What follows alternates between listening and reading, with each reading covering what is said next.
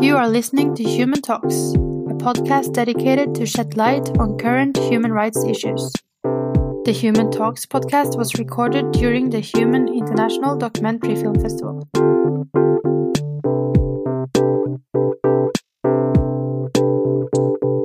Velkommen til uh, Intellectual Wrestling.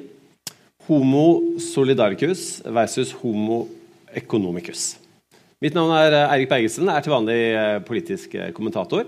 Um, er veldig glad for å være her og med utgangspunkt i filmfestivalen, som, som tross alt omgir oss i disse dager, prøve å ha en ganske politisk og økonomisk og solidarisk debatt. Vi har eh, noen eh, veldig gode panelister eh, til dere her. Eh, jeg skal ta det eh, med, med, en gang. Eh, det er Espen Henriksen, som er, er økonom, førsteamanuensis ved BI. Institutt for finans. Vi har Ingar Skjerve, som har skrevet boka 'Homo solidaricus' sammen med Vegard Harsvik. Ganske ny bok. Og så har vi Ebba Boje, som er skribent, spaltist i Klassekampen, står bak 'Rethinking Economics'. og så har vi eh, Asle Skreddeberget her. Eh, og Asle er eh, ja, han er, står bak filmen som går på denne festivalen, som heter 'Vikings versus Wolves The Battle of Finance'. Han er forfatter av boka 'Usannsynlig rik historien om Norge og oljefondet', som denne filmen baserer seg på. Eh, tidligere økonomijournalist i en hel rekke medier. Eh, Asle skal eh, komme straks opp på scenen for å holde en liten innledning sammen med meg. Og så fordi Heidi Nordby Lunde ikke kunne være med i dag i siste liten, så stepper Asle veldig galant inn i panelet på Economicus-siden. Noe motvillig, det får vi snart høre hvorfor. Og supplerer Espen der. Så eh, vær så god eh, på scenen, Asse Skredberget.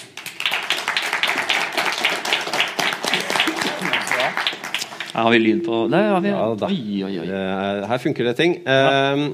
Asle, ja. kan, med, kan, du bare fortelle litt om, om, hva filmen Vi vet at det handler om oljefondet. Ja. men, men, hva ved oljefondet? Ja, Det er egentlig kan si to historier. egentlig. Det er om oljefondet. hvordan, Det ble veldig mye her jeg så sånn? Ja, ja. Kan jeg lese spørsmålene dine? Nei, det får du ikke. Ja, nei, okay, greit. Um, nei, Det handler jo om uh, historien om hvordan vi fikk et oljefond og hva det gjør der ute. Men det er også en bredere historie om hva som skjer i finans nå. Uh, for nå har du en enorm utvikling med kunstig intelligens som gjør at folk trader fortere og fortere. Og så har du en utvikling med klimarisiko, så vi må tenke mer og mer langsiktig. Um, så, så finans er ved et veiskille, og så prøver vi å se hvilken rolle kan et fond som oljefondet spiller der. Da. Så Vi følger fondet ut til Mexico. Vi følger det når de hilser på Macron i Frankrike og får et oppdrag til å bli mer bærekraftig. Så vi, så vi er overalt i verden egentlig og følger dem. Men, men boken din har jo, har jo tittelen 'Usannsynlig rik'. Altså, mm. Litt usannsynlig historie. hvordan oljefondet ja, ble til. Ja. Det er jo, ja, det er jo Det kunne gått galt på så mange områder. Vi kunne gitt bort hele oljeformuen uh, på 60-tallet. For da trodde vi ikke det var noe olje. Det var den offisielle norske politikken. da, Det fins ikke olje i Nordsjøen. Punktum. Og så, så, hadde vi liksom Jens Evensen og et par andre Karl August Fleischer i UD som fant ut at Byråkrater, rett og slett? Byråkrater som, uh, som var ganske smarte. De var egentlig jurister, da, men de tenkte ganske økonomisk og solidarisk. Så, så de, de, tenkte sånn ja, Men hva om det er olje? Skal vi gjøre noe med det? Og så Industridepartementet ville ikke gjøre noe, og ikke Justisdepartementet. Så da tok disse gutta det var gutter da, eh, og lagde en paragraf hvor de slo fast for hele verden at dette er norsk eiendom. Og Det høres veldig selvfølgelig ut. da, Selvfølgelig er oljen norsk, men det var ikke selvfølgelig i det hele tatt. Og Hvis de ikke hadde gjort det, så hadde jo vi mista oljen. Du, du, var, du, var, inne på det nå. Skulle nesten tro du hadde lurkikket på neste spørsmål. Ja, det... Fordi det er altså, Var motivasjonen deres homo economicus eller solidaricus? Jeg tror det er begge deler.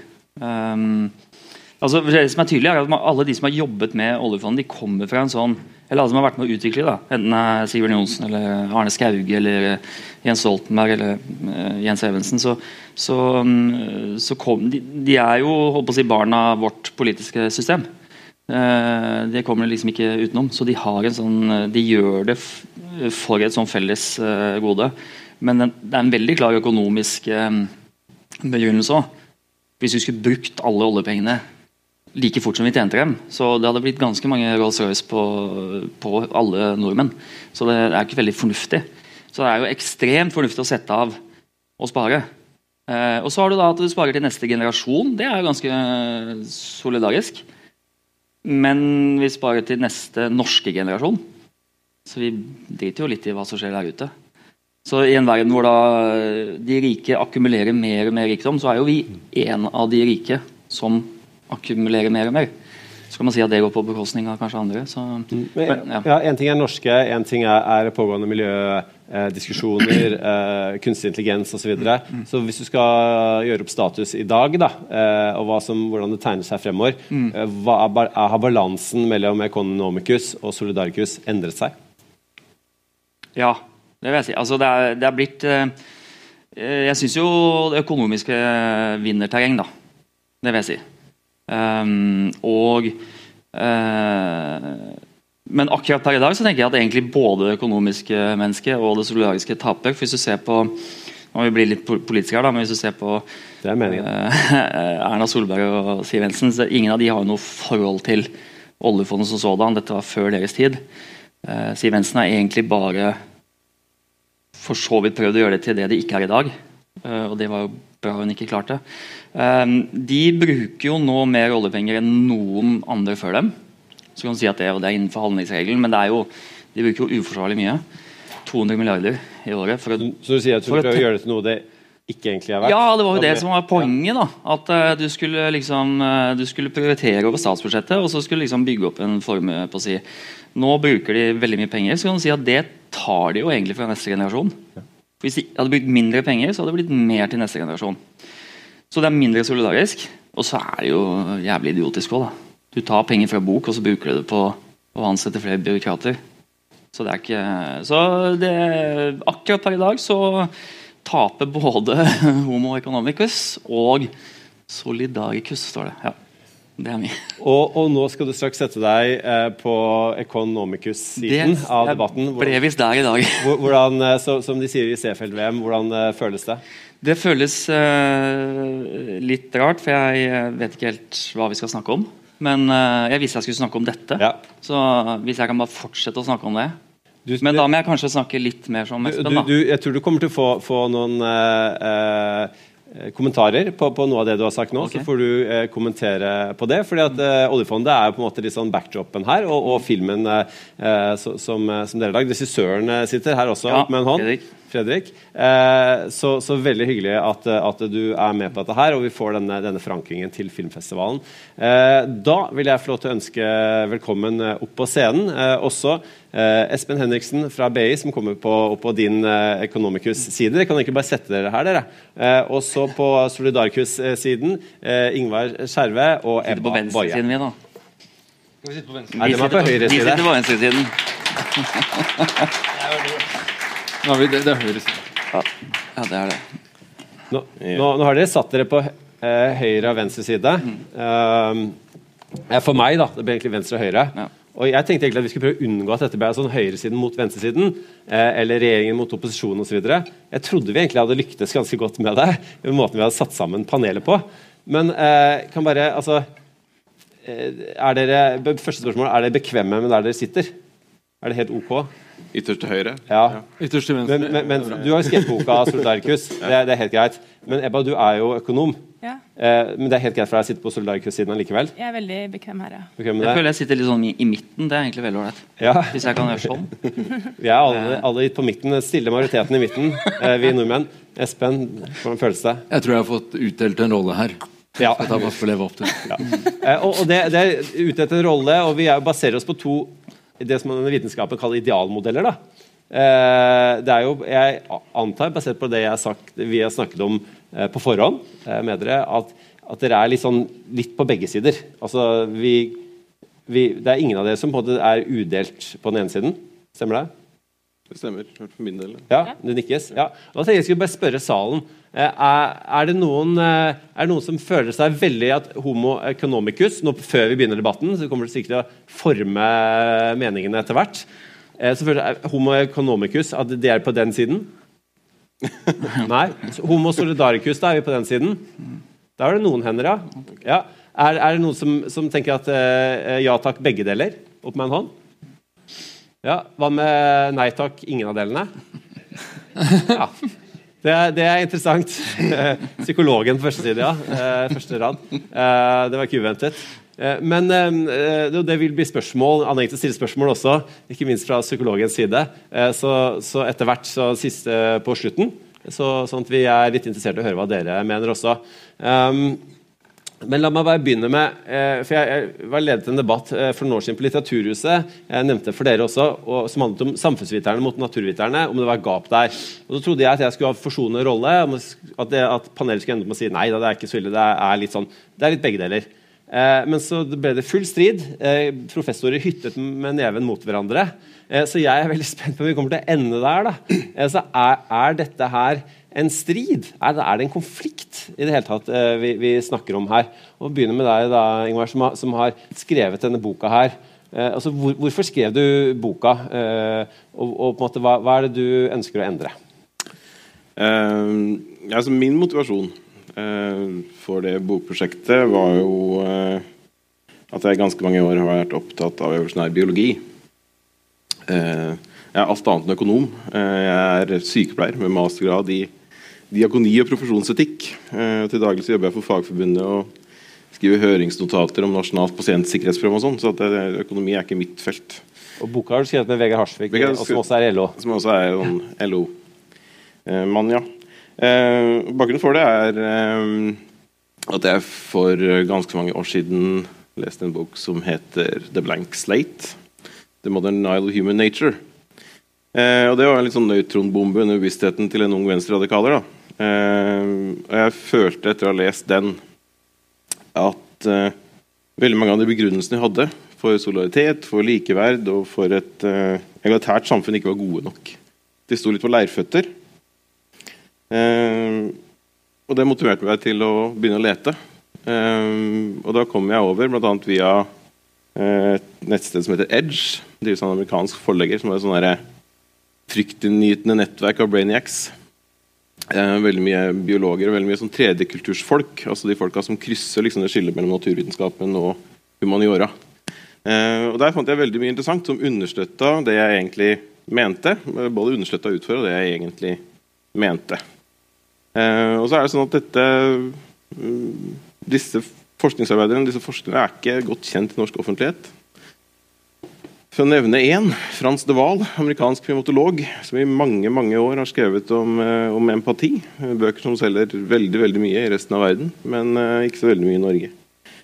Så jeg hadde lyst til å liksom, uh, få dette fram i lyset i Norge, og særlig da for, for venstresidas del. jeg er litt sånn pretensiøs og er litt inntrykk av at darwinismen er på en måte den nye tidas intellektuelle operativsystem. Uh, og jeg tenker litt at uh, Hvis vi skal meisle ut en plass for disse veldig viktige ideene uh, og idealene som det norske samfunnet bygger på, om egalitet og samarbeid og solidaritet, så må vi gi det et mer solid fundament. Og da tenker jeg at det finnes der ute. Jeg kan snakke lenger, jeg. Du, ja. du, det er en fin innledning. Jeg har, jeg har på en måte Jeg kan, kan, ta et sånt kjapt poeng til. Ja. Det er kommet en veldig viktig bok nå en kar som heter Richard Plummin, som dere kanskje har hørt om. Det har vi en jernvaskserie blant annet, som heter Blueprint. Robert. Robert. Så er det noe annet. Kalte jeg ham Christian? Nei. Nei. Robert Blommen heter han. Eh, den heter Blueprint. Jeg har ikke fått lest den sjøl ennå. Eh, men det er en oppsummering av mange års forskning, bl.a. Sånn tvillingforskning. Og det han eh, mener har vist, og argumenterer ganske overbevisende for, det er at genetikk har mye mer å si enn hva vi tror. Mye mer å si enn hva foreldrene dine gjør, hva skolemiljøet gjør og sånn. Eh, så har genene veldig mye mer å si. Eh, jeg tenker som så da, at hvis det nå er sånn at det er genene dine som avgjør veldig grovt sagt da, genene dine som avgjør om du ender opp som hjelpepleier eh, eller som professor, ja, da har vi i hvert fall en plikt på oss til å sørge for at vi får et samfunn og et arbeidsliv som er levelig for både professor og hjelpepleier. Takk skal du ha. Uh, og jeg har utfordra dere alle til å ha et, et, litt sånn her, eh, et åpningsinnlegg, sånn at vi på en måte ser med tydelighet hvilken vinkling dere har uh, på dette her. Og det har jeg også gitt deg, Ebba, for du er jo, er jo økonom. Og, og, og, står bak da blant annet, eller er med på, på et med Rethinking Economics. Så du er jo allerede i gang, har vært i gang lenge med å, å tenke økonomi på en litt annen måte. hvordan angriper du den tematikken? Jeg, er jeg, leder av Rethinking Economics eh, Norge. Eh, vi jobber for å få mer kritisk debatt om både om økonomifaget, men også om, for, å få mer kritisk debatt om økonomien i, samfunnet generelt. Vi ønsker å åpne opp for flere måter å forstå økonomi på. Inn med flere økonomiske teorier inn på pensum. Men, så vi er både orientert inn med å endre økonomipensum og åpne det opp, men også generelt samfunnsdebatten om økonomi. da. Og Homo economicus er en av de tingene vi har eh, måtte, bitt oss eh, tak i som noe vi ønsker å eh, riste, riste, løs i. Passe på at studentene har en kritisk tilnærming til det de lærer. Og jeg vil, altså, altså jeg, jeg vil egentlig kaste homo economicus som grunnlag for økonomifaget ut av faget. men det betyr jo ikke at jeg er helt uenig i at den har noe for seg for å forklare noen deler av menneskelig atferd. Derfor jeg svarte i stad at jeg er Eh, ikke, men eh, som, som, grunnlag for faget så vil jeg ha den, ha den ut. da. Men bare starte med okay, Hva er det vi egentlig snakker om her? Homo economicus. Hvor kommer det begrepet fra? Hva, hva er det egentlig? Uh, og Det er godt oppsummert da i uh, introduksjonsbok uh, til Mankey og Taylor i økonomi fra 2014.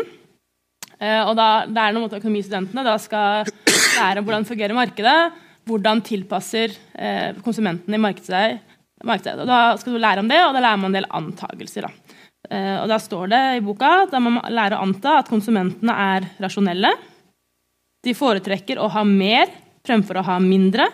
More is better than less. De søker å maksimere sin egen nytte og ta valg ut fra egen interesse. Og ikke minst står det veldig viktig de tar ikke hensyn til andre menneskers nytte. Eh, da står, står, i, står i pensumboka, som noe studentene må, må, lære seg annet fra. Og så etter hvert så legger man til mye mer. Det blir mer der man på en måte har en perfekt, perfekte forventninger om framtida og på tvers av generasjoner. kommer mye tillegg etter hvert, men det starter der. Eh, så det er på en måte homo som dette er veldig egoistiske mennesket. Men så er det klart, jeg har, ikke, jeg, jeg har aldri hatt en professor som har prøvd å fortelle meg at ja, dette, dette er sånn mennesket er. Mennesker tar ikke hensyn til andre menneskers nytte. Dette er en perfekt beskrivelse. Eh, det er jo ikke det professorene prøver å si, men eh, de sier at dette er en nyttig antakelse å gjøre når man skal putte menneskelig atferd inn i en matematisk ligning for å bygge opp en modell som eh, man da skal bruke som byggverk for hele resten, resten av økonomien. og men ja, altså jeg, si, jeg, har også møtt ganske mange økonomer som er, virkelig prøver å overbevise om at jo da, det er faktisk den beste forenklinga man kan gjøre om, hvordan, om menneskelig atferd. Men, men, det er ikke hovedpoenget. Hovedpoenget er eh, ok, gitt, Er det bare en karikatur, er det bare en forenkling, er det bare et verktøy man bruker fordi det er lett å, håndtere? da? Eller er det sånn at når økonomistudentene lærer dette, må skrive ned antakelsene på eksamen, bruker det igjen og igjen gjennom hele studiets antakelsene, gjør det noe med oss? Blir vi formet av det? Påvirker det hvem vi er. Eh, og det er akkurat det en del forskning viser. da, At ja, den, eh, økonomistudentene blir mer og mer som karikaturen homo economicus i løpet av økonomistudiet. Eh, det er det forskning fra USA som fant at de som spesialiserte seg i samfunnsøkonomi, i økt grad støttet opp om både egen og andres egoistiske oppførsel. I Israel var det et prosjekt som så på hvordan studenter rangerte altruistiske verdier som villighet til å hjelpe, ærlighet, lojalitet. Og De ferske økonomistudentene de oppga det som viktige verdier. Men så, etter tre år som samfunnsøkonomistudenter, så tilla de tingene mindre verdi. Og siste er Studenter i USA også oppførte seg mer egoistisk etter å ha tatt et fag i spillteori, der man nettopp gjerne antar at individenes selvsentrerthet så det, ja, det er veldig viktig antakelse mye av spillteorien, er at man er selv, selvsentrert.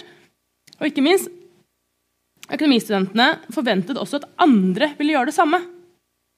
Og dette tenker jeg er helt sentralt. da, at en ting, Det er ikke det at vi sitter og leser om homo economicus eh, og tenker, og så bare, og bli, tenker at ja, nå skal jeg begynne å oppføre meg mer som homo economicus. Men hvis du, ser, hvis du sitter og, og, lærer at ja, det er en god forenkling av mennesker, det er sånn mennesker oppfører seg og Hvis du antar, begynner å anta at menneskene rundt deg oppfører seg sånn, ja, da vil jo ikke du være den som er idiot og står igjen og blir utnytta. Hvis de, alle de andre bare er selvinteresserte, og du ikke er det, ja, da taper du. Så det er på en måte, det er viktig at det, Den fortellinga om homo economicus gjør at vi alle ender opp med å oppføre oss mer egoistisk, fordi vi tror at alle andre oppfører seg på den måten. Tusen takk. Har vi, nå har vi eh, fått en innledning av, av Asle om, om eh, oljefondet, som er, er litt, eh, litt, begge deler. Og, og der, Kom en innledning til. Hva, hva, sier du? Jeg kom på en innledning til. Ja, siden, siden, jeg er på dette laget. Ja. Kan jeg bare si jeg, veldig kort? Du skal få en replikk til deg selv. Ikke, ja. Jeg kan få en replikk til meg selv. for jeg er litt uenig med det jeg sa. Uh, vi hadde ikke hatt et oljefond uten Homo economicus. Ja. Det, er jo, det, er jo, åpenbart at det er basert på Det er ikke basert på solidaritet. Altså sånn I forhold til eh, resten av verden eller noe som helst sånt. Dette er, dette er for å Så vi, vi, vi, trenger begrepet? Vi trenger modellen? Ja, altså det som har skjedd. Og så etterpå så kommer eh, homo så, Nå passer jeg veldig godt på dette laget, merker jeg. Ja. Eh, etterpå så kommer homo solidaricus og sier at ja, men vi må bruke pengene på de og de tingene. Og så må homo economics si at ja, ja, vent litt, vent litt. Så jeg har for så vidt blitt dratt i en retning som er litt mer solidarisk, men hadde ikke hatt et oljefond basert på solidaritet. Eh, eh, takk for oppfølgingen eh, på, den kommentar. Og da, eh, Espen, da gjenstår du eh, fra, fra Kononomicus-siden. Du underviser jo i, i, i, disse tingene på, på BI som førsteamanuensis på Institutt for finans. Ja. Og, og, er jo en av disse som pusher, pusher denne modellen. Eh, Fair nok. Ja. Hva, hva, er din vinkling på dette? Jeg tror igjen at økonomifaget dreier seg i bunn og grunn om solidaritet. At det dreier seg om å finne gode fellesskapsløsninger. Asle har veldig godt snakket om oljefondet. Men i hvert fall det økonomi dreier seg om, er å gjøre kaken større, slik at vi alle får det bedre. Uh, og, I bunn og grunn så dreier økonomi seg om Det er nærmest som en vakker kjærlighetshistorie om hvordan vi alle får det bedre ved å samhandle. For Det var poeng nummer én. Poeng nummer to at jeg tror det er ingen økonomer som i bunn og grunn vil hevde at det finnes det rasjonelle mennesket. At dette er Men det er den, kanskje den mest enkleste Og det, det, faktum at det er så enkelt å angripe, det faktum at Ebba kan liksom sitte og polemisere mot det, det gjør også altså, det gir en klarhet om hvilken antakelse man har, slik at man faktisk kan ha en god diskusjon både om resultater og om antakelser. Uh, så, og jeg tror da kan, ja, Minimum av introspeksjon vil jo vise at man kan, ikke er rasjonell. Eh, og det tredje poenget, hvis det var noe sånn kan, det å tenke økonomifaget på nytt okay, så vil jeg jo si at økonomifaget alltid er i kjempestor endring. Og den da, hvis det er én ting som eller har kvalifisert eller kjennetegner de i nesten veldig stor grad menn, forhåpentligvis flere kvinner i fremtiden, som har fått denne prisen til minne om Alfred Nobel, høyeste utmerkelse i økonomi, så er det jo nettopp det at de har angrepet etablerte sannheter. Og endret måten vi tenker på økonomi, hvordan vi tenker på samhandling, hvordan vi tenker på fellesskap. Eh, slik at, og det tror jeg i enda større grad i dag at fordi at vi da stadig får mer data, vi stadig får eh, mer regnekraft i form av datamaskiner, så gjør det at liksom, faget stiller helt, helt andre spørsmål, og også gir mye mye bedre svar i dag enn det man har gjort noensinne tidligere. Og Dette er da ikke fordi at man ikke har ønsket å gjøre det før, men rett og slett fordi at de, de, ja, både det arbeidet folk har lagt ned før, og den teknologiske endringen har vært umulig å stille helt, ja, endre fag. Mm. Eh, tusen takk. Det var en, en god oversikt eh, over, eh, over, der vinklingen dere kommer fra. Eh, det er eh, Vi er vel eh, Eh, vi er litt uenige her. Eh, og eh, vi både litt, her er litt både òg. Ebba, du har bedt om ordet. Du er den eneste som på en måte avviser at, at Homo economicus skal ha den rollen det har nå i dag, i hvert fall. Ja. Eh, altså jeg, jeg, ja, det med, jeg, prøver ikke å si at mennesker ikke at jeg, Å si at mennesker ofte er egoistiske. Veldig god beskrivelse av mennesker. Det, vi er ofte veldig egen, har mye egeninteresse som, som eh, påvirker veldig mye av det vi gjør. Eh, men eh, vi er jo en like viktig fortelling om hvem vi er, er jo at vi er grunnleggende samarbeidsvillige. Det er det som virker kjennetegner den menneskelige arten. At vi klarer den måten vi gjør, og virkelig, og, og det vi har klart å skape de samfunnene vi har. Det er derfor som du sier, at økonomi på mange handler om det unike i at mennesker klarer i så stor grad å samarbeide eh, og bygge noe felles, og nettopp være opptatt av andre menneskers, eh, eh menneskers nytte å gjøre, til å være altruistisk osv. Så, videre. så det er på en måte en like sterk fortelling som at vi er drevet kun av egen interesse. Og Det er derfor det er så veldig problematisk da, at Homo economicus har på en måte fått en liksom, enerådende rolle når det kommer i økonomifaget. Og det er helt enig som helt eh, sant som Espen sier, at det er veldig mange økonomer som kritiserer Homo economicus. Det er ikke noe bare folk på utsida gjør. Det er full debatt internt, og mange nobelpriser som går til folk som atferdsøkonomer, som sier at Homo economicus fins ikke. Men det som er fascinerende, er jo hvordan på tross av den debatten går og går, økonomisk sier det, så går du tilbake til lærebøkene. Og så åpner du de, og så er det fortsatt nøyaktig de samme antakelsene. Så alle økonomistudentene får jo akkurat den samme fortellinga eh, som, som, ligger til, til, grunn for det man gjør videre. Og det har ganske store eh, Jeg kan ta neste poeng etterpå. Ja. eh, Espen først. Jo, jeg tror det, det viktige er å Eller noe som er i og for seg fascinerende som forskere, er hvor stor utsagnskraft enkelte da, hva skal jeg si, enkle eh, ekstremt stiliserte beskrivelser av menneskelig atferd her når vi går til data. Altså Hvordan er det folk faktisk eh, opererer? Hvilke valg er det de faktisk tar? Ok, Vi kunne godt ønske at de kunne operere på en annen måte, men dette er det de gjør. Og De antakelsene vi da legger til grunn, er jo nettopp for at de skal kunne være falsifiserbare. For at man skal kunne si at dette er galt. Ja, problemet er at hvis vi skulle anta noe som helst annet enn f.eks. rasjonalitet, egeninteresse Når man ser på eh, individuell atferd, så vet vi ikke hva vi skulle gjøre. Altså, det er en, minst en million måter å være irrasjonell på. Det er, det er, alle mulige atferd, andre uh, avvik fra rasjonalitet. Så dette er det, Hvordan skal vi gjøre det så enkelt som mulig i en kompleks verden? Og Hvis, det det, hvis alle tenker på Når man snakker om å bruke en modell for det er det det egentlig dreier seg om her. Bruke en modell som man lærer, gjør i ethvert fag. Det, er en stilisert representasjon av virkeligheten. Og jeg tror at Sånn sett så står denne stiliserte representasjonen som økonomifaget bruker i forhold til rasjonalitet, veldig veldig sterkt. Vi må forenkle fordi at verden er så ekstremt kompleks. Du snakker om Det er mange typer, uh, mange grunner til at vi ikke er rasjonelle. Men uh, Daniel Kahneman, uh, som da var nobelprisvinner i økonomi, men som er psykolog, eh, sa vi, det for, Psykologen her får korrigere meg hvis det er feil, at vi tar noe sånn som 10 000 avgjørelser i løpet av en dag. Mange måter å kvantifisere det på. Eh, som, og de aller færreste er rasjonelle. For det har vi ikke tid til. Og de som setter seg ned Nikk, hvis du er enig. Ja, men du Erik, eh, men Espen han er jo en mer rasjonell type. Så dette er veldig det, forskjellig. Ok, Men, men, men, men poenget, poenget, mitt, poenget, mitt, er bare er, er, vi så, er vi egentlig så veldig rasjonelle? Uh, Espen, hvis du kan svare på det samtidig? Jo, men her, og dette tror jeg vel egentlig er hvis vi skal se, Både tror jeg, tror jeg vi underviser økonomi nå, og hvordan vi tenker på økonomi. det er at Hvis du ser på, individuelt, på et individuelt nivå De valgene jeg tar i dag, så vil det være veldig mye mer på hva skal vi si, det man selv har forsket på. Men Hvis du for leser 'Thinking Fast and Slow', så vil han si at det ganske, skal du snakke om store aggregerte fenomen som er ekstremt komplekse, så kan du ikke da ta hensyn til alle mulige individuelle avvik.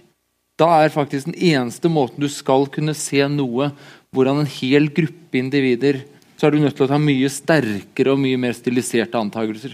Så problemet er ikke at vi må jobbe med forskjellige modeller på forskjellig nivå gitt hvilke spørsmål vi stiller. Mm. Ingvar, først. Ja. Tenkte jeg skulle forvirre debatten litt med å introdusere et tredje menneskebilde. Kanskje er det menneskebildet jeg selv har størst tro på. Det er homo reciprocans. Altså det gjensidige mennesket. Eh, når de modellerer evolusjonære prosesser, så finner du ut at den mest evolusjonært stabile strategien det er uh, gjensidighet. Det er et berømt forsøk gjort som kanskje heter Axelrod. Uh, husker ikke helt årstallet, men Han uh, ba folk sende inn uh, dataprogrammer som skulle konkurrere i en sånn tenkt evolusjonært setting. Og Det programmet som vant, og det er veldig enkelt, det er Tit for tat. Mm. Det funker sånn at eh, det åpner med å samarbeide. Hvis du møter svik, så svarer du med svik. Eh, og når man modellerer så ser man at dette er den type atferd som sprer seg i populasjoner. Eh, og Det tror jeg også er litt svaret på liksom, Homo economicus og oljefondet. så tror jeg at Bak det så ligger det veldig mye inngruppesolidaritet. Som nok er den typen solidaritet vi er hardest evaluert for. Nemlig liksom solidariteten med de som ligner oss, de som vi føler et fellesskap med. Så at man, at man tar igjen mot hverandre. Eh, at, man, da på en måte Hvis noen er grei med deg, så er du grei med dem. Hvis de er motsatt, så er du, er du ikke det. Uavhengig av si, eh, hvordan det maksimerer din egeninteresse.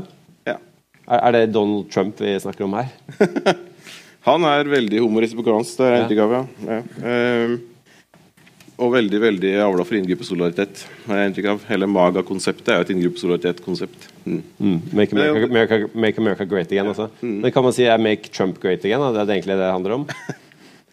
Nei, men, men uh, Jo, men Bare stille det spørsmålet, da. Fordi uh, Richard Nixon skrev en gang at uh, at grunnen til at man ikke hadde businessledere som presidenter eh, fram til eh, mer eller mindre nå, Herbert Hoover var jo kanskje eh, den, den, første, eh, var fordi at man eh, var opptatt av sin egen bunnlinje, eller sin business sin bunnlinje, men ikke samfunnets bunnlinje. Er, er, det, er det, stemmer det litt? Og er det noe av det problemet vi ser med Trump nå?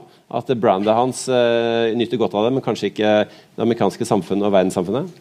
Jeg er ikke så noen ekspert på amerikansk politikk, altså. så det skal jeg ikke uttale meg veldig mye om. Men, men poeng... Alle nordmenn er eksperter på amerikansk politikk. jeg har inntrykk av det. Eh, hvis, hvis, du går på et norsk universitet og så leter du etter en uh, statsvitenskapsstudent som kan fortelle deg noe om uh, hvorvidt dette valgcollege er, er foreldre eller ikke, så vil du finne noen som skal holde et halvtimes foredrag for deg. Vil ha større arbeid med å finne noen som kan fortelle deg hvorfor teknisk beregningsutøv er bra. Så, ja. Dette var en fullstendig digresjon. Men ja. eh, poenget er, med inngruppesolidaritet og med resiprositet er at fortellinger spiller en veldig stor rolle. Sånn at Hvem du føler solidaritet med, eh, avgjøres veldig mye av hvilke fortellinger du presenteres for. Arbeiderbevegelsen er et klassisk eksempel hvor du kan ta inngruppesolidaritet og gjøre det til noe som gjelder veldig store deler av befolkningen. Det at Alle vi som jobber, vi er en inngruppe. Vi kan stå sammen mot de få jævlene som eier ting. Mm. Eh, Ebba? Ja, nei, jeg skal senere kanskje komme inn på noen eh, alternative forenklinger som man kunne brukt uh, istedenfor Homo economicus. Da. Men uh, når vi er, vært, når, for å holde på det vi snakker om nå, det er nettopp den for, hvorfor den fortellinga Hvorfor det at vi har valgt akkurat den antakelsen, har vært så skadelig for verden. Jeg vil, måte, veldig Mye av den økonomiske utviklingen de siste tiårene vil jeg tillegge nettopp det at man har, at man har analysert verden og ser på verden nettopp som hvor man antar at alle andre er eh, egennyttige, og derfor bør vi også være det. Eh, beste eksempelet på en måte er jo da selvfølgelig Milton Friedman, som gikk ut og, og sa rollen til en bedrift er å maksimere egen profitt. Eh, og det er det, eller, det er det, du som studie skal, skal, være opptatt av, det er det du skal gjøre. Eh, og det er jo ikke åpenbart i det hele tatt. Det er ikke åpenbart at for et menneske som sitter og driver en bedrift Hvis du spør bedriftsledere i familieeide bedrifter, det er ikke åpenbart. Men det blir en sterk fortelling. Og det betyr jo det, og det, og det, det, det forplanter seg. Det betyr at de som eh, De personene som jo faktisk er bare opptatt av eh, egeninteresse, de får legitimitet. De kan vokse, de, de, får gjøre det som, som, de vil. Mens de som rekker opp hånda og sier Ei, vent, er, er dette, dette, er ikke greit, de sier Ei, nå må du slutte å tulle, det, det her er utenfor debatten. De blir kasta ut. Da blir det forsterka effekter, de som oppfører seg på den måten. Og Det er det vi har sett de siste ti årene i verdensøkonomien. Stadig mer er det den type kortsiktighet og, da, eh, og det, det, at det er legitimt å drive med ren profittmaksimering for egen del, har blitt legitimt. Og da, ja, Jeg kan komme inn på finansmarkedet og oljefond mm. senere, men nå var det mange. ja, to, to, korte replikker. Eh, Asle først, og så Espen. Ja, altså, ne, ne, Nå jobber jeg i næringslivet også, i tillegg til å lage filmer og bøker og sånn. Og eh, jeg vil jo si at det er jo ingen som hører på Milton Friedman lenger. Altså, hvis du, I hvert fall hvis de selskapene jeg jobber med, så er det sånn at um, Hvis du ser på hva et, et selskap skal gjøre så er det å bidra Det er å bidra med skatter, det er å bidra med mm, profitt. Eh, det er å bidra med arbeidsplasser, det er å bidra med løsninger. Og, og så Solidaritet. Ja, altså, og det er, jeg synes det er ganske interessant. for at i, eh, Vi har en politisk utvikling nå hvor det er veldig mye oss mot dem. Og kanskje det er den hva kalte du det, inne, Inngruppsolidaritet. Mens jeg opplever at flere store selskaper snakker mye mer om et eh, oss, faktisk. Og, som, og faktisk har omfavna mye mer av de problemene. Da. For det man ser er jo at veldig mange selskaper sitter jo faktisk på teknologi som kan løse problemer.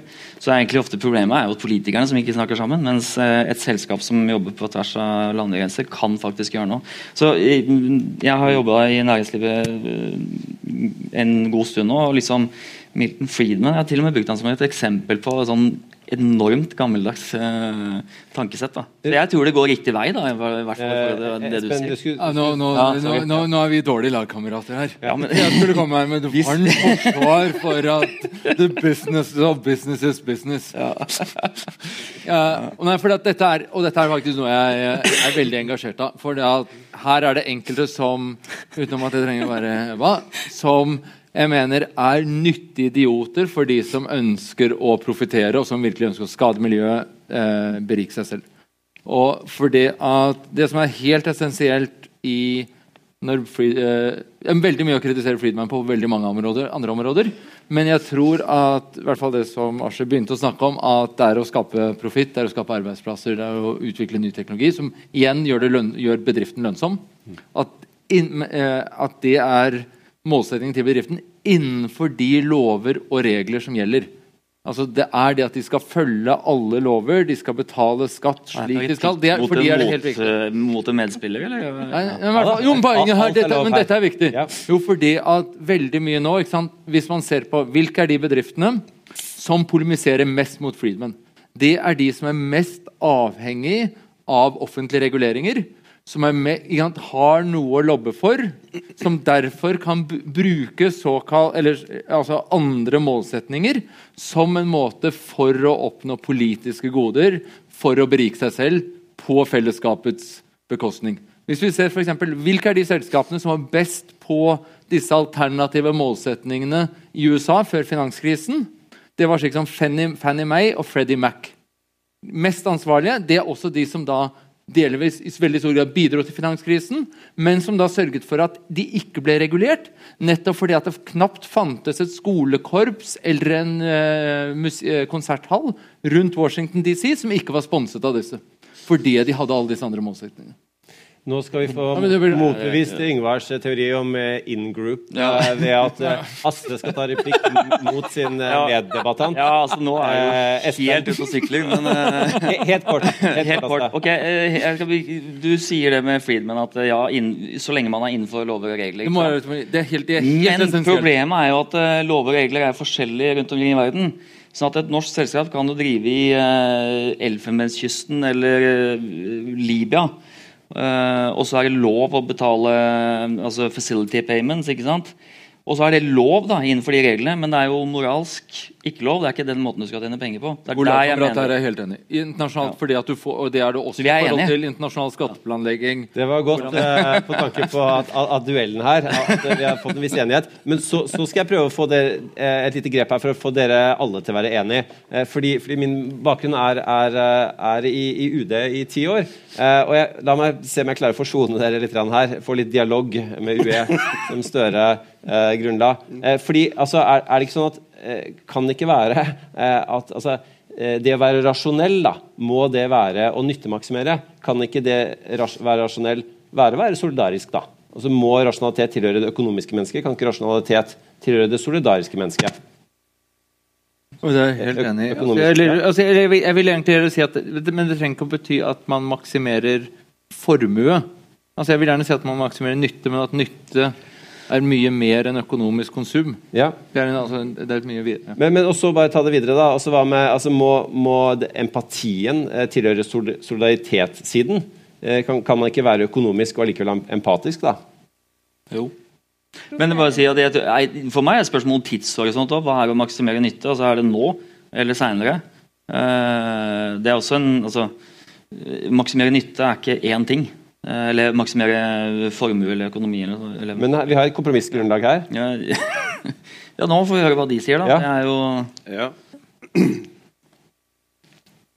Uh, skal vi se Jeg vet ikke om jeg skjønner helt problemstillingen. Men i hvert fall uh, uh, Jeg tenker at solidaritet har et eh, sterkt element av egeninteresse. Mm. Eh, SV-eren og historikeren Knut Kjelstadli han bruker veldig mye begrepet opplyst egeninteresse. Og Det bygger på følgende Hvis det er sånn eh, at naboen din synker ned i depresjon og rusmisbruk, så kan det fort bli et problem for deg også, hvis ikke det finnes et offentlig apparat som tar seg av ham. Eh, hvis han setter seg bak rattet en dag, drita full og meier ned ungene dine, så spiller det veldig liten rolle for deg om han har fortjent hjelp eller ikke. Det viktigste er at han får det. Det er din egeninteresse å sørge for at, uh, for at, samfunnet fungerer på den måten. Det tenker jeg det er den mer sånn eh, kjølig rasjonelle inngangen til solidaritet, og for så vidt også empati. Ja. Mm. Og globalisering som fenomen, altså eh, innvandring, bistand osv., handler ikke det også om en, en type egeninteresse å stabilisere verden? Jo, jo altså, det er jo, det er jo man kan jo legge hva man vil i begrepet nytte hvis man ønsker det. Men det er veldig lett å se hvordan egeninteressen kan gjøres mye videre enn bare være seg som du sier. Det er lett å gjøre, men spørsmålet er det vi, om det er den nyttigste måten for, å forstå, for hvis man skal prøve å analysere menneskelig atferd, om det å se på som grunnleggende eh, egen, ha grunnleggende egeninteresse og nyttemaksimerende er den beste måten å forstå det på. Ja, fordi da har vi på de brillene. Da er det det vi ser etter. Eh, kanskje vi heller vil finne en annen måte å forstå menneskelig atferd på. F.eks. at vi ja, er grunn, grunnleggende er gode til å, å, samarbeide, eller at vi er opptatt av noe som er større enn oss selv. Eh, og jeg synes egentlig måte, at Innlegget til, til Espen sa satt tydeliggjorde veldig måte, problemet med når man hvis alle økonomer tenker som homoøkonomiker, så tenker det at var enig i det premisset om at ja, bedriftens rolle er å maksimere profitt. og det er derfor da ser man jo ikke alt det som skjer. Det som du forklarte om, som er den reelle endringen som er spesielt de siste årene, med stadig flere se selskaper eh, som begynner å se at det handler om klimakrisa, først og fremst. Fordi klimakrisa nettopp så, har så mye egeninteresse. Og folk tenker se verden kollapser rundt oss. Min bedrift kan gjøre noe annet, kan gjøre en forskjell, og de begynner å, å innføre den forskjellen. Eh, og Da må man se det, og få se det at her er det mange selskaper som er på full fart inn i en del i å endre, ofte mer enn myndighetene, som, som, som du sa. Eh, men så er det klart at det handler jo ikke om at Håvard, mitt standpunkt er jo ikke se, næringslivet går foran og gjør mye bra endringer. De er ikke opptatt av egeninteresser lenger. La de gjøre som de vil. Det er jo ikke poenget. selvfølgelig. Poenget er jo å si heie fram det, og samtidig passe på at man har statlige reguleringer som, som sikrer hele tida at Eh, de som ikke kan, ikke kan, bli utkonkurrert av de som sniker eller kommer seg unna. Da. Nå vet jeg, Det brenner inn mye, mye her, men, jeg må bare, bare eh, et spørsmål. fordi at eh, Nå har vi prøvd å skape en eh, forsoning her med å finne likheter. En annen måte å skape forsoning på er ved å reise et, et, et fiendebilde. Eh, og, og, jeg tilhører vel det, kanskje det som er, kan kalles homo politicus. da, Eh, og, og hvis, hvis, hvis, jeg hørte riktig her i stad, så er homo politicus en synder her. fordi eh, der er det eh, en sånn nullsumspill. Enten det er Donald Trump, så er winning, så må noen være losing. Eller, eller en, en, type eh, man, ser koalisjoner i f.eks. i Norge, da, eh, hvor den ene siden står mot den andre, andre siden, eh, og at, at, regjeringspartier internt frasier seg sin, sin, sine kjernesaker for, for, å, for å styre. Um, er, en tendens til å være kortsiktige. Ja, altså, Veldig, er, er, er, det, er, det politiske mennesket her en trussel? Altså, stemmer det at det økonomiske mennesket faktisk eh, er ganske solidariske i våre dager? Eh, driver bedrifter og skaper en, en, en stor kake eh, så, som politikerne kan, eh, kan, fordele, men så er det, det eh, in group fighting som gjør at de, at de ikke er det. Kort svar. Espen først. Ja, du, jeg må først få lov til å ta og svare på jeg må veldig, det, fordi at dette er, dette er, dette er viktig. Uh, og poenget her er jo det at f.eks. da klimakrisen. Og så er det ingen vei fra for fellesskapsbeslutninger, felles politiske beslutninger. Og det betyr da en eller annen form for uh, eller prising av utslipp eller en måte her regulering av utslipp. Jeg vet ikke hva den beste løsningen er. Vi har, vi har ikke lykkes så langt. Men det er det som må til. Og så har vi da i så fall f.eks. tidligere uh, statsholderselskap, som er ekstremt avhengig av goodwill fra politikerne i all mulig i sin virksomhet, som da først bytter navn, og så påstår at de da skal investere i uh, fornybar teknologi, er ikke i nærheten av å nå de investeringsmålene de satte seg. Som fremdeles var veldig Jeg nevnte ikke navn, men uh, i alle fall, Det er eksempelet til Ebba Boy. Og det er hvordan man har sørget Da får man ikke samme presset på politikerne til faktisk å gjøre ting som betyr noe. Det, var det som var Friedmanns argument. Innenfor de reglene som er, så vi må ha tøffe politikere som tør å finne, eh, legge gode reguleringer. Vi- vi- og derfor er det ja. noen som er nyttige idioter. Unnskyld. Ja, Ja. vi, nei, vi, vi må slippe til salen også, så derfor eh, du må få muligheten til å stille, Ja. stille noen spørsmål. Så helt kort, politi, politiske menneske, hvor kommer det inn her? Er det en eh, politiske menneske i dag? Forkludrer den? Ja, den forkludrer. Ja? Ebba? Jeg vet ikke om jeg skjønte spørsmålet. Nei, altså, altså det, Den måten man driver politikk i dag, eh, eh, altså er, er det med å eh, ta vekk solidariteten, da? Ja, ja, altså deler av den, ja. Trump er et godt eksempel på det. Altså, det hele poenget er jo at de store eh, men, men det er jo like mange eksempler på at eh, politikk eh, eh, bringer oss sammen og gjør oss mer solidariske. Eller Den norske modellen er et godt eksempel på det. Man opplever en høy grad av tillit. Vi oppfører oss på en måte, vi har formet institusjoner rundt oss eh, til å eh, være mer samarbeids, eh, samarbeidsvillige. Da. For Politikk har blitt brukt aktivt, istedenfor at man er aktiv i USA for eksempel, mer konkurransesamfunn. Da, for eksempel. Ok, da, da nøyer jeg meg med å konkludere at, at, at det, kan et veldig godt fiendebilde var det ikke. Ja, jo, okay. nei, men det, Mimmi Kristiansson skrev en veldig interessant Der kommer boka mi i, om oljefondet at uh, Veldig fascinerende å se hva norske politikere gjorde. Han trodde ikke de ville klart det i dag. Å gjøre den skinnestreken. At dagens politikere ville klart det. Fordi politikken er blitt mer kortsiktig. Så ja, jeg mener at uh, politiske Og, og min, mindre brede eh, si, kompromisser. Ja. Ja. Nå må vi slippe salen til. Eh, opp med en hånd hvis noen har et spørsmål. Det er litt mørkt her, så det er litt vanskelig å se, så jeg må løfte hånden veldig høyt. Nei, ingen enda. Der var det et eh, spørsmål her, ja. Hei. Eh, jeg tenker Det var veldig gode argumenter på begge sider, men jeg er litt skuffet av debatten. For dere, altså det er veldig norskt. Man tenker, og, og ser det store bildet. Men Veldig norsk en god ting eller en dårlig ting? Ja, det er en god ting på en måte. Okay. Men Norge er et veldig solidarisk samfunn. Når du går ned på individet, homo solidaricus og homo economicus, det snakket vi ganske lite om. Eh, no, eh, Harari i sin Homo sapiens og Homodeus bok, i de, de bøkene han har skrevet, han kommer jo eh, og sier sant, at vi må jo eh, Det finnes jo fellesskapstrekk i alt vi gjør. Og det går jo til reciprocensis, ikke sant? Tillit. Hvordan bygger du tillit, og hvordan bygger du tillit i et samfunn? Men det starter jo med individet. Uh, hvis dere har uh, vært bortimot i effective altruism uh, Det er en hel gjeng som forsker på hvordan kan man utrette mest gode til fellesskapet.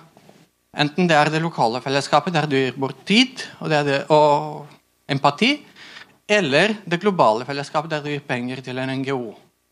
Hvordan, eh, sånn, det er noen sant, som bruker mesteparten av sin tid og energi på å skape penger. Skal de være da egoistiske eller solidariske med de pengene? Det er individuelt ansvar og valg. Og så etterpå så har du hvordan du bygger du også det som du ikke kan måle med penger, og opprette og rette med penger. og Det er jo det empatiske, og hvordan du bruker tiden. Og jeg føler at vi bør snakke mer om disse tingene. Ikke bare om hvordan oljefondet Det, det er jo nyttige debatter, men vi snakker om det hele tiden i Norge. Ja, takk. Takk, takk skal du ha. Eh, er det flere? Fredrik. Kan vi eh, samle opp litt? Sikker på at psykologen ikke har noe med på hjertet? Det er en Ja, ja, kom igjen. Ja, den mannen en mikrofon helt forrest her. Ja, her også. Det er- en bak der. Var det en bak her òg? Ja. Ja. Ja. Ja, det går litt på altså, sånn eh, ressursbruk og sånne ting. Altså, eh, rundt omkring i verden at eh, selskaper de bruker opp mye av de ressursene vi har. Og liksom sånn, er det, er det egentlig noe sånn gunstig eller rasjonell tankegang å skulle liksom bruke opp alle ressursene, og så eh, sånn økonomisk sett også? Hvis du bruker opp alle ressursene, så sitter du ikke igjen med noe du kan tjene penger på seinere. Uh, og så litt sånn med eh, etisk drift av oljefondet. Uh, oljefondet sier jo hele tida at de ikke vil trekke seg ut av selskaper fordi at de vil forandre ting innenfra. Uh, men så får de egentlig ikke gjort så mye uh, med de selskapene uh, innenfra. Altså, liksom, hvordan kunne man da kanskje gjort det eventuelt da annet enn å trekke seg ut, eller sånne ting? da Flott. Takk. Eh, og så tar vi et eh, siste spørsmål her eh, fra meg. Tusen takk for en kjempespennende debatt. Jeg er selvfølgelig mest opptatt av liksom, modellene deres av mennesket. Og Som psykolog så er jeg veldig glad i han Paul Romer, siste nobelprisvinneren i, i økonomi. I 2016 så hadde han en ramsalt kritikk av økonomifaget. The trouble of macroeconomics. Og sier liksom at makroøkonomien de siste tre tiårene har bare gravd seg ned i sånn hull. Um, I hvilken grad uh, tenker du at dette har Eller tenker dere at dette har med denne uh, homo economicus menneskemodellen å gjøre? Og implikasjonen av denne menneskemodellen. For eksempel, Espen Henriksen, tror du på rikardiansk ekvivalens? Takk. Eh, da, vi, da har vi veldig liten tid igjen. Så nå skal jeg gi dere en anledning til, til å svare på, på, på elementer av de tre spørsmålene som dere tenker er relevante for dere selv. Eh, og, et, og gi et sånn siste sluttkommentar eh, innbakt i det. Eh, klarer dere det på 30 sekunder hver? 40, 45? Ett minutt hver. Begynner med deg, Ingvar. Begynner med meg. Ja, riktig. Um, her er det veldig mye, da. Uh, Trenger ikke å svare på alt. Nei. Men jeg tror jeg skal, skal forsøke å dra et poeng omkring eh, det jeg har messa litt om allerede, om inngripsvalitet og tillit og alt mulig sånt. Jeg skal gjøre noe jeg aldri hadde trodd jeg skulle gjøre. Jeg skal anbefale en Civita-podkast. de hadde en veldig lang prat med rådgiver Fellesforbundet Jonas Bals her for øvrig, som er veldig instruktiv. Eh, han forteller om hvordan man gjennom å regulere for dårlig har sluppet til i byggebransjen i Oslo en sånn blanding av voldskapital og økonomisk kapital. Den type ting ødelegger tillit veldig veldig fort. Eh, folk slutter å tro at nå er det sånn at nå har vi tatt hverandre i hånda, nå er vi enige, nå er det greit. Eh, for homoresipokans så er den type situasjoner katastrofale og ødeleggende. Eh, og er det noe ved, ved, ved i Norge som bekymrer meg veldig, så er det at vi slipper til den type aktører i flere og flere felter i økonomien. Jeg gir for så vidt beng i om, for, om selskaper har gode CSR-protokoller om hva dette er, men det er hvordan de opptrer og hvordan de forholder seg til lover og regler som er det avgjørende. Mm, det tror jeg det er god støtte i evolusjonsbegrepet for å si at disse folka er farlige. Mm. Jeg kan også liksom dratt noen eksempler fra min eh, praksis som fagforeningsmann. Eh, jeg jobba med aktører i pleie og omsorg i Oslo. Eh, og det er folk jeg har sluppet til som er klin fucking sprø. Ja. CSR, altså så mye Corporate Social Responsibility.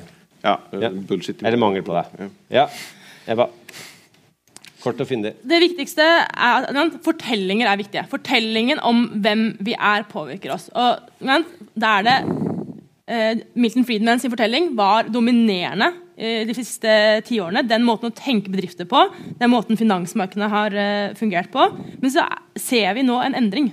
Det er det jeg prøver å si. At er, Man ser at stadig flere bryter ut av dette, her, spesielt fordi man opplever at, økonomien kollapser litt rundt seg. Og da, det, da må vi endre modellene. Da må vi endre, vi endre og, og kanskje øh, og finner bedre måter å beskrive mennesker på. Og Da tror jeg på en måte kritikken fra Romer da, om økonomiene absolutt handler om dette. her, fordi det er nettopp Problemet er at økonomifaget har gått seg fast i et spor. Eh, det er nettopp er det alt fordi eh, man har valgt en måte å bygge opp modellene på, hvor man gjør eh, disse virkelighetsfjerne anta antakelsene, alt, samme antakelse som alltid gjøres, forme hvem vi er. og eh, når virkeligheten veldig veldig ofte ikke passer inn, for da faller byggverket sammen, så endrer man ikke byggverket. fordi virkeligheten passer ikke inn. Og Da går man til et spor, i et forskningsspor. Eh, og det er det han kritiserer. Eh, og sånn at vi må eh, Vi er nødt til å eh, bruke ja, For å få, for bruke mer eh, virkelighetsnære antakelser om hvem mennesket er. Og da er det på en måte ideen om at eh, vi, er, vi er grunnleggende sosiale, vi ønsker å, å bidra. Eh, vi kan ikke ha det som eneste antakelse. Eh, men eh, fordi fortellinger Jeg tror da hvis vi begynner å endre til en mer til homo solidaricus, er med på den fortellinga og endre hvem vi faktisk ender opp med å bli. Skal vi på en måte skape den økonomien for det første århundret hvor vi løser ned verdensproblemene, så er vi avhengig av nettopp endre den fortellingen. Da. Tusen takk. Eh, da tar vi Espen først, og så skal Astrid få, få avslutte, han som, som begynte det hele. Vær så god, Espen. Først, Kort- bare også, kort men også de uh, spørsmålene som var fra salen her i forhold til uh, både ressurser, men ikke minst eksklusjon i oljefondet og bruk av stemme. Så tror jeg det er et forferdelig dilemma man har, hvordan vi skal tenke på altså, Det er jo ikke noe mangel på gode intensjoner, Men det ene er å forstå at om, om vi ekskluderer eksempel selskap fra oljefondet, så vil ikke virksomheten av, i de selskapene bli påvirket overhodet. Altså det finnes nok av folk som ikke har andre etiske standarder der ute i verden. Sånn, så jeg tror ikke det er noe ønske og Det er også litt sånn man møter seg i veggen. Ta bare for ett eksempel. Saudi-Arabia. Vi ønsker å investere mer i land utenfor Europa og Nord-Amerika. Okay, så da inkluderer man Saudi-Arabia, og så liker man ikke Saudi-Arabia. Altså, ja, det, er, det, er, fryktelig mange dilemmaer. så jeg tror, Det er vel egentlig hva jeg hadde lyst til å si på det. Og så var det spørsmålet om såkalt rikardiansk ekvalens. Og jeg vil si at det er, en, uten å trenge, det er egentlig bare et resultat man legger til grunn igjen for en modell at alle regninger må betales. At hvis du bruker mer i dag, så må du betale det. Det er ren aritmetikk. Og at, en, at enkelte lager noen karikaturer av det, det er ikke bra. Men så mm. eh, At hvis det er noe som jeg tror er den type Veldig mye å kritisere Milton Friedman for generelt, men den at man da skal forsøke å sminke og påstå at man gjør noe annet, da tror jeg de som da kritiserer økonomifaget, går folk som har alt annet enn gode intensjoner, eh, eller gjør de en tjeneste. Altså jeg, jeg, er veldig redd for, jeg er fryktelig redd faktisk for en del av de argumentene som Ebba presenterer. At det er folk som da ønsker å berike seg selv på vegne av fellesskapet, på vegne av miljøet. Eh, ved at man da, fordi man da sørger for at man legger mindre vekt på å sørge for å få gode økonomiske regler. Jeg må avslutte. En nobelprisvinner som er medforfatter, veileder, han hadde tre typer sånn forskningsregler. Og Det første var å stille et veldig godt spørsmål, så var det å ta veldig klare og sterke antakelser og trekke disse antakelsene til deres ytterste logiske konsekvens. Men da var det tredje var minst like viktig. det var at Fordi at du da har trukket veldig enkle antakelser i det ytterste logiske konsekvens, så skulle du være ekstremt ydmyk i forhold til da implikasjonene av ditt individuelle arbeid. Og Da er det litt heller å si at Økonomifaget er nærmest sånn type håndverkere som sitter der nede og jobber. Og så er det opp til hva skal jeg si, politikere og de som faktisk fatter beslutninger, å veie forskjellige at, veie resultater. Så ikke ta enkeltresultatet fra økonomi bokstavelig, men se hva er summen av alle resultatene, summen av alle data, måten vi ser på en ellers fryktelig komplisert verden, og forsøker å finne gode fellesskapsløsninger. Takk. Eh, yeah. Eh, altså du, du, måte, du, du, skulle jo egentlig bare innlede her, og så, og så, jo, så sa du jo at, at her er det her, ved oljefondet så er det, er det litt eh, to, to sider. Mm. Eh, og så sier du at det er en utvikling, og så merker du selv at du har satt deg litt på midten. Så jeg bruker deg litt som en sånn barometer mm. for, for mm. denne debatten. Hvor, hvor, mm. står du nå? Jeg, jeg er fortsatt på midten, altså, men eh, fordi jeg, jeg, jeg bare lurer på Har det noe å si hvorfor man gjør ting? Altså motivet for å gjøre noe godt, om det er solidarisk eller økonomisk. Fordi, sånn som Vi snakker om de bedriftene som eh, altså, ok, Knappe ressurser, ja, private næringsliv bruker det. Økonomien handler jo om å fordele knappe ressurser på altså optimalisere bruken av det. Og Det er nettopp derfor mange bedrifter engasjerer seg nå. Så, så hvis du snakker med en del bedrifter sånn, eh, om, som begynner å tenke mer på samfunnet, så gjør de det ikke for å være snille, de gjør det for å tjene penger. Og de vet at det er sånn de kan tjene penger om 10-20-30 år. Så det at et, et, selskap kan oppføre seg solidarisk, og f.eks. oljefondet også, som du hadde sett filmen vår, som oljefondet snakker mye om klimarisiko, så er det ikke nødvendigvis fordi de er, vil være en aktør som bekjemper klimarisikoen, men de vil passe på at de ikke taper penger på de klimaendringene som kommer. At de kanskje tjener penger i stedet. Uansett så er det posit et positivt bidrag. Om det er for å være snill eller for å være eh, rasjonell, det er jo egentlig ikke så viktig for meg, tenker jeg. Mm. Ok. Eh, kan bare Siste sånn håndsopprekning. Er det, det, noen som har eh, beveget seg i løpet av debatten, eller som har byttet side? Opp med en hånd. Nei. Er det, det er, Faen, da går jeg, altså. Det gidder jeg ikke. Suksesskriteriet. Eh, men, eh, men, samtidig, så, så, la oss si det sånn at, eh, at, det er basert på det som er sagt i begynnelsen av debatten nå, da, at, at det, er, det, er, mulig å, å se fordeler og ulemper med begge sider, og at det er et samspill her i alle tilfeller. Så lenge det kom ikke, men veldig mange interessante baller kastet opp i lufta. Og tusen takk for at dere er så sporty. At dere lar, dere tvinge inn eh, på én side av debatten. Eh, og med det som utgangspunkt håper jeg vi klarte å frembringe noen eh, flere nyanser. Eh, tusen takk for at dere kom. Eh, flott panel. Og tusen takk for at alle dere eh, kom. Det er jo masse flere både arrangementer og kinoforestillinger i denne festivalen, så følg med på programmet, eh, så ses vi igjen på de. Takk.